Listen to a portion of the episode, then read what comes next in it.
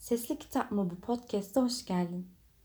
İlk bölümümüzde Bir İdam Mahkumunun Son Günü adlı eserin birinci bölümünü seslendireceğim. Keyifli dinlemeler. Ölüm cezası. İşte beş haftadan beri beni varlığıyla donduran, ağırlığıyla ezen bu tek düşünceyle yaşıyorum. Eskiden haftaların yıllar gibi geçtiğini hissettiğim için böyle diyorum. Diğerleri gibi sıradan bir insandım. Her günün, her saatin, her dakikanın ayrı bir düşüncesi vardı. Genç ve girişken zihnim beni eğlendirmek için bitmek tükenmek bilmeyen fantezilerini peş peşe düzensizce ölüme yuvarlamaktan keyif alır, hayatın o kaba ve ince kumaşını işlemelerle süslerdi.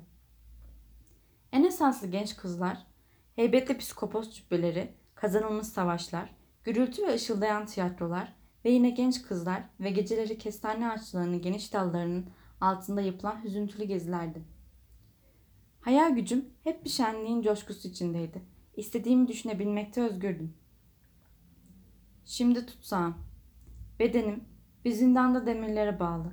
Zihnim korkunç, kanlı, karşı konulmaz bir düşüncenin esiri. Tek düşüncem, tek amacım, tek gerçekliğim var.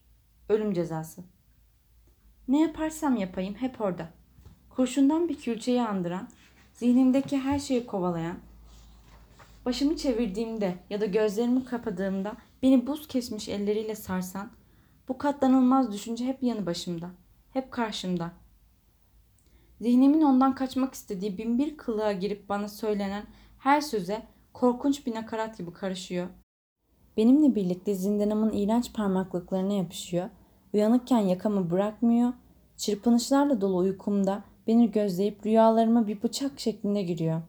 Onun bakışları altında sıçrayarak uyandığımda Yok canım sadece bir rüya. Unut gitsin diyor.